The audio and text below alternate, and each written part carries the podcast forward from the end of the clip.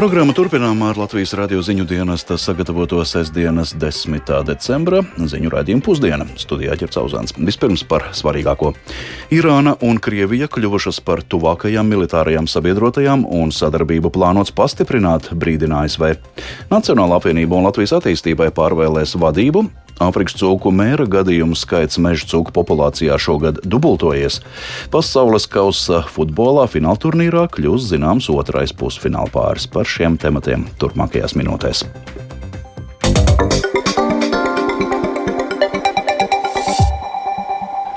Ukrainas karam turpinoties jau gandrīz desmit mēnešus, Krievija savā agresijā ir spiesta arvien vairāk paļauties uz Irānas sniegto bruņojumu. Par to brīdinājuši ASV politiķi un militārie analītiķi. Tikmēr NATO ģenerālsekretārs bažīs, ka Ukrainas karš var pārvērsties atklātā sadursmē starp NATO un Krieviju. Tāpēc tiek darīts viss iespējamais, lai šādu scenāriju novērstu. Kļuvis zināms, ka Baltkrievija piedāvājusi ANO savas valsts teritoriju Ukrainas graudu tranzītam. Vairāk stāsta Uģis Lībietis. Par to, ka Krievijas spējas veikt pietiekami efektīvus uzbrukumus Ukrainai kļūst ar vien ierobežotākas, komentētāji sāk runāt brīdī, kad Maskava no Teherānas iegādājās bezpilota lidaparātus. Lai arī tie sākumā izrādījās pat ļoti efektīvs uzbrukuma līdzeklis, Ukrainas spēki visai drīz iemācījās ar tiem efektīvi cīnīties. Taču tā vien liekas, ka Irānas un Krievijas militārā sadarbība atkal ir iegājusi jaunā līmenī. Kā norāda ASV Baltā nama Nacionālās drošības strateģiskās komunikācijas vadītājs Džons Kerbijs, ir sagaidāms, ka tuvāko mēnešu laikā Irānas sniegtais atbalsts Krievijai tikai pieaugs. Abas puses domājot par kopīgas drona ražotnes izveidi, turklāt arī Maskava esot gatava Teherānai piešķirt bezprecedenta militāro un tehnisko atbalstu, tostarp apmācot pilotus. Un tieši tāpēc Irāna tiek aicināta no šādām aktivitātēm izvairīties. Visai lielas bažas par Ukrainas kara turpinājumu izteica ANO ģenerālsekretārs Jens Stoltenbergs. Pēc viņa vārdiem, ja kara darbība kļūtu nekontrolējama, tas varētu izvērsties par pilnu apjomu karu starp Krieviju un NATO. Intervijā Norvēģijas raidsabiedrībai NRK Stoltenbergs norādījis, ka tiek darīts viss iespējamais, lai šāds scenārijs nepiepildītos. Vienlaiks viņš paudz pārliecību, ka arī šis karš tomēr beigsies pie sarunu galda, kur vadošajās pozīcijās jābūt Ukrainai. Også spor, eh, men det vi vet, er at det som skjer Šis karš arī visticamāk beigsies pie sarunu galda. Taču tas, kā norisinās sarunas pie šāda sarunu galda, ir atkarīgs no spēka un panākumiem kara laukā. Tikai tad, kad prezidents Putins sapratīs, ka Ukrainai ir gan spējas, gan līdzekļi, kas neļauj viņam pārņemt Ukrainu, tikai tad Krievija spēs piedāvāt kaut ko tādu, kas ļaus Ukrainai turpināt būt neatkarīgai valstī. Tikai Ukraiņi var būt tie, kuri izlems, kad būs pienācis laiks šādām sarunām. Mēs nevaram izlemt Ukrainas Ukrainas likteni Briselē, Vašingtonā vai Londonā. Viņiem tas ir jāizlemj Kīvā. Kā uzskata analītiķi no Kara izpētes institūta, viens no Krievijas mērķiem, cenšoties panākt sarunas ar Ukrainu, ir vienoties par pamieru un atjaunot savus spēkus, kā arī panākt, lai Ukrainas un Rietumu starpā sāktu rasties šķelšanās. Pagaidām gan uz šādu iznākumu cerēt īsti pamata nav. Pagājušajā naktī Krievijas spēki kārtībā reizi ir veikuši triecienus pa Ukrainas energoinfrastruktūru, un šoreiz ir cietis Odesas apgabals. Ukrainas ģenerālštābs gan ziņo, ka pēdējā laikā arvien biežāk tiek saņemts ziņas par tā dēvēto draudzīgo uguni, kad Krievijas spēku apšaudi viens otru. Tas liecinot ne tikai par tanku un artilērijas ekipāžu sagatavotību, bet arī par komunikācijas trūkumu starp vienībām. Vienlaikus ir kļuvis zināms, ka Baltkrievi ir atļāvusi caur savu teritoriju tranzītā izvest Ukrainas graudus. Par to vienojies Baltkrievijas ārlietu ministra vietnieks Jurijs Ambrazevičs, tiekoties ar ANO ģenerālsekretāru Antoniju Guķierešu. Vienlaikus gan Baltkrievi ir lūgusi ANO atļaut eksportēt arī tās minerālu mēslus, kuri pašlaik ir pakļauti sankcijām. Ja tas tiks darīts, Ukraiņu graudi bez šķēršļiem varēs tikt nogādāts caur Baltkrieviju uz Lietuvas ostām. Uģis Lībijams, Latvijas Radio.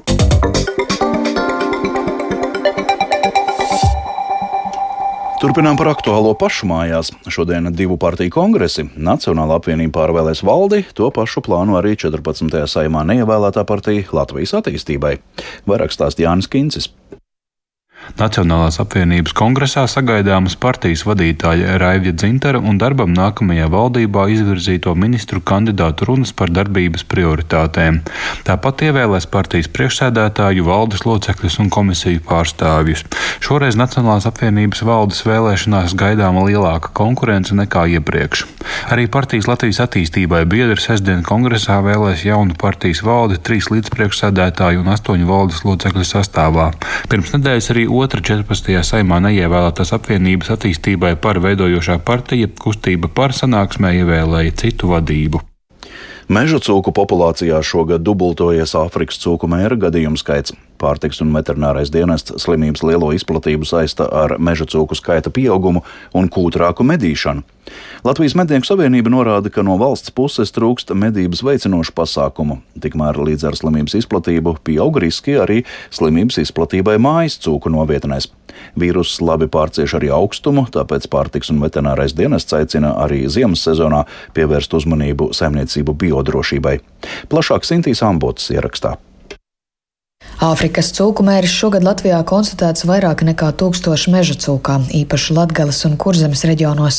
Tikmēr pērn slimība konstatēta vien ap 450 meža cūkā, arī iepriekš pāris gadus gadījumu skaits bijis zemāks. Pārtiks un veterinārā dienesta pārstāvis Mārtiņš Seržants norāda, ka slimības izplatība saistīta ar meža cūku populācijas pieaugumu mēs varam to droši saukt tā drusku tēlaini par otro vilni. Tā problēma tāda, ka faktiski mednieki drusku atslāba un nemedīja tik aktīvi jau sākot no kaut kāda, gribētos teikt, atsevišķās vietās no 19. un 20. gada. Un, protams, meža cūka ir reprodukcija ļoti ātra un darba laikā pozitīvā populācija ir ļoti augstā līmenī. Bet ņemot vērā Covid ierobežojumus arī pagājušajā ziemā, kad nevarēja vairs arī medībās iet, protams, tas viss summēja un kopumā populācijas varētu teikt, ka izgāja ārpus tās normālās kontrolas, kad mednieks var regulēt. Latvijas Mednieku savienības vadītājs Jānis Baumanis norāda, ka Āfrikas cūkumēra ierobežošanai intensīvas medības pat labam nenotiek, jo no valsts puses nav nekādu šīs medības veicinošu pasākumu, bet gluži pretēji ir virkne kavējošu faktoru. Mednieks, ja viņš zina, ka viņam pēc nomedīšanas ir jābrauc kaut kādu 50, 60 reizēm vairāk kilometri, jāved šie te asins paraugi bioram jānodod. Ja viņš nomedīja to meža cūku ceturtdienas vakarā, viņš zina, ka tos asins paraugus savāks tikai kaut kādā nākamajā otrdienā, Tas nozīmē, ka analīžu rezultāts viņš saņems labākajā gadījumā nākamajā trešdienā, tad faktiski viņam nedēļa tā meža cūka ir jāuzglabā kaut kur.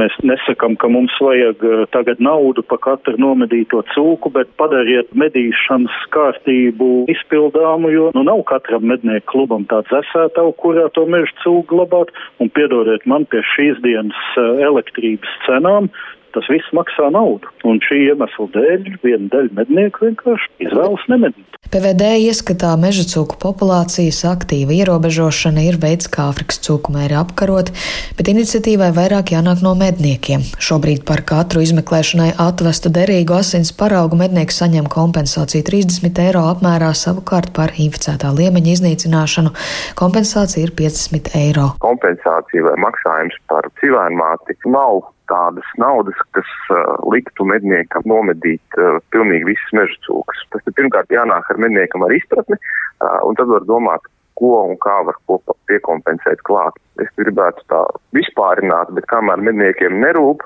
populācija, vai ir tas mērķis vai nav, līdz tam brīdim faktiski mēs par kaut kādiem efektīviem atbalsta maksājumiem patiesībā pat nevaram runāt. Šajā gadā Āfrikas cūku mēris skāris arī sešas saimniecības ar kopumā aptuveni 1500 mājas cūkām. Arī ziemas sezonā pārtiks un veterinārais dienas cūkopis aicina būt modriem un ievērot stingrus biodrošības pasākumus. Sinti Ambot, Latvijas radio.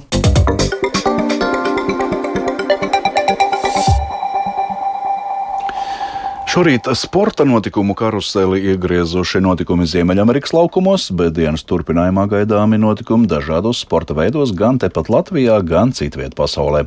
Protams, galvenā uzmanība šodien pievērsta futbolam. Tur vēl divi ceturdaļu fināli pasaules kausā, bet par visu plašāk pastāstīs Mārs Bergs. Sveiks, Māri!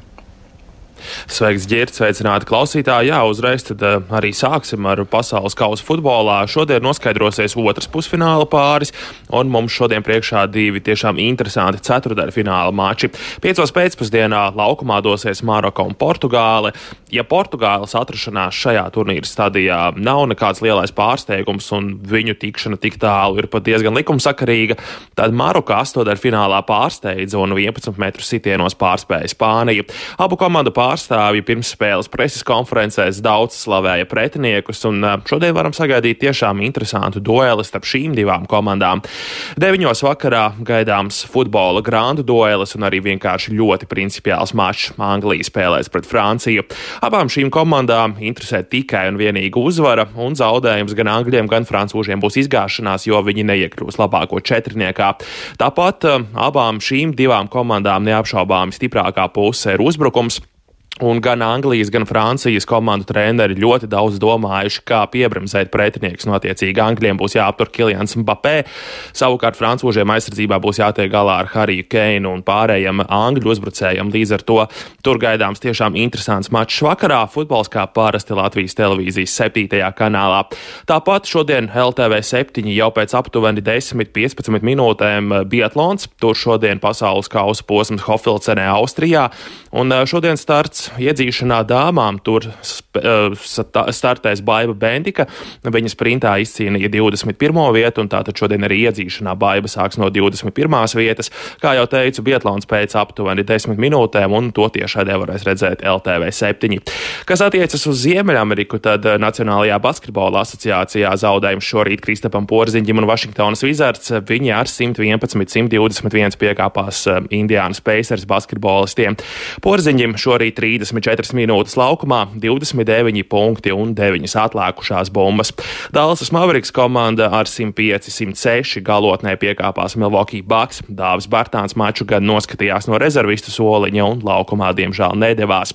Nacionālajā hokeja līgā Teodors Bļugers un Pitsburgas Penguins ar 4-3 papildu laikā pieveica Zemgu Girgensonu un Buffalo Sabres. Abi Latvijas hokeisti šoreiz gan palika bez rezultatīvitātes punktiem. Citā mačā Elvis Meržļikins nāca uz maiņu un palīdzēja Kolumbusas Bludžakets ar 3-1 pieveiktu Calgary Flames. Meržļikins vārtos stājās līdz ar otrā perioda sākumu, atvairo 19 no 20 pretinieku metieniem. Latviešu vārdsargs arī izteicās, ka bijis visnotaļ grūti ieiet šajā mačā, jo iesildīšanās laikā viņa kolēģis Jonas Korpisalo paņēmis visus metienus, līdz ar to Elvis pat nebija tā kārtīgi iesildījies šajā spēlē. Nu, Korpusalo gan pirmā perioda laikā satraumējās, līdz ar to viņš vairs spēli nevarēja turpināt. Tāpat uh, Latvijas kamaniņu braucējs Kristers Aparjots um, ātrijā Visleras trasē Kanādā šonakt izcīnīja ceturto vietu pasaules kausa otrajā posmā kamaniņu sportā. Um, otrs latviešu vīriešu braucējs Gins Bērziņš Vislerā ieguva astoto pozīciju. Sieviešu konkurencē Kendija Aparjoda ierindojās 11. vietā, Elīna Ieva Vītola bija 22. pozīcijā, bet Sigita Bērziņa finišēja 29. vietā. Vēl par eh, notikumiem tepat pašu mājās. Eh, šodien Latvijas-Igaunijas basketbola līgas centrālajā mačā Vefrīga komanda 15 pāri 5 pēcpusdienā uzņems Tallinas Kalev Kramo un šī spēle Rīgas Olimpiskajā sporta centrā. 5 pēcpusdienā Liepājas basketbolisti viesosies pie Pērnavas, 7 vakarā Valmierā mājinieki tiksies ar Raplas komandu, bet 15 pāri 8 vakarā Latvijas Universitāte vakara noslēdzošajā mačā tiksies ar visas līgas līderiem Prometēju basketbolu basketbolistiem. Šobrīd man tas arī ir viss.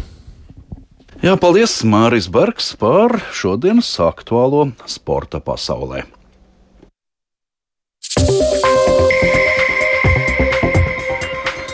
Līdz ar to arī izskan eh, sestdienas 10. decembra ziņu raidījums pusdiena. Producente Agnese Vasarmane, par labskaņu rūpējās Renārs Štēmans un Kristaps Saida, studijā Ģercauzāns. Vēl īsi par svarīgāko. Irāna un Krievija kļuvušas par tuvākajām militārajām sabiedrotajām un sadarbību plānots pastiprināt, par to brīdina Amerikas Savienotās valstis. Nacionāla apvienība un Latvijas attīstībai pārvēlēs vadību. Āfrikas cūku mēra gadījumu skaits šogad dubultojies meža cūku populācijā. Pasaules kausa futbolā finālturnīrā kļūs zināms otrais pusfināla pāris. Mūsu ziņām var sekot līdzi arī Latvijas Rādio 1 Facebook lapā un sabiedrisko mediju portālā LSMLV. Radījuma atkārtojums meklējams raidierakstu platformā kā dienas ziņas, un Latvijas radio lietotnē mūs var klausīties savā vietā, runī, jebkurā laikā un vietā. Yeah.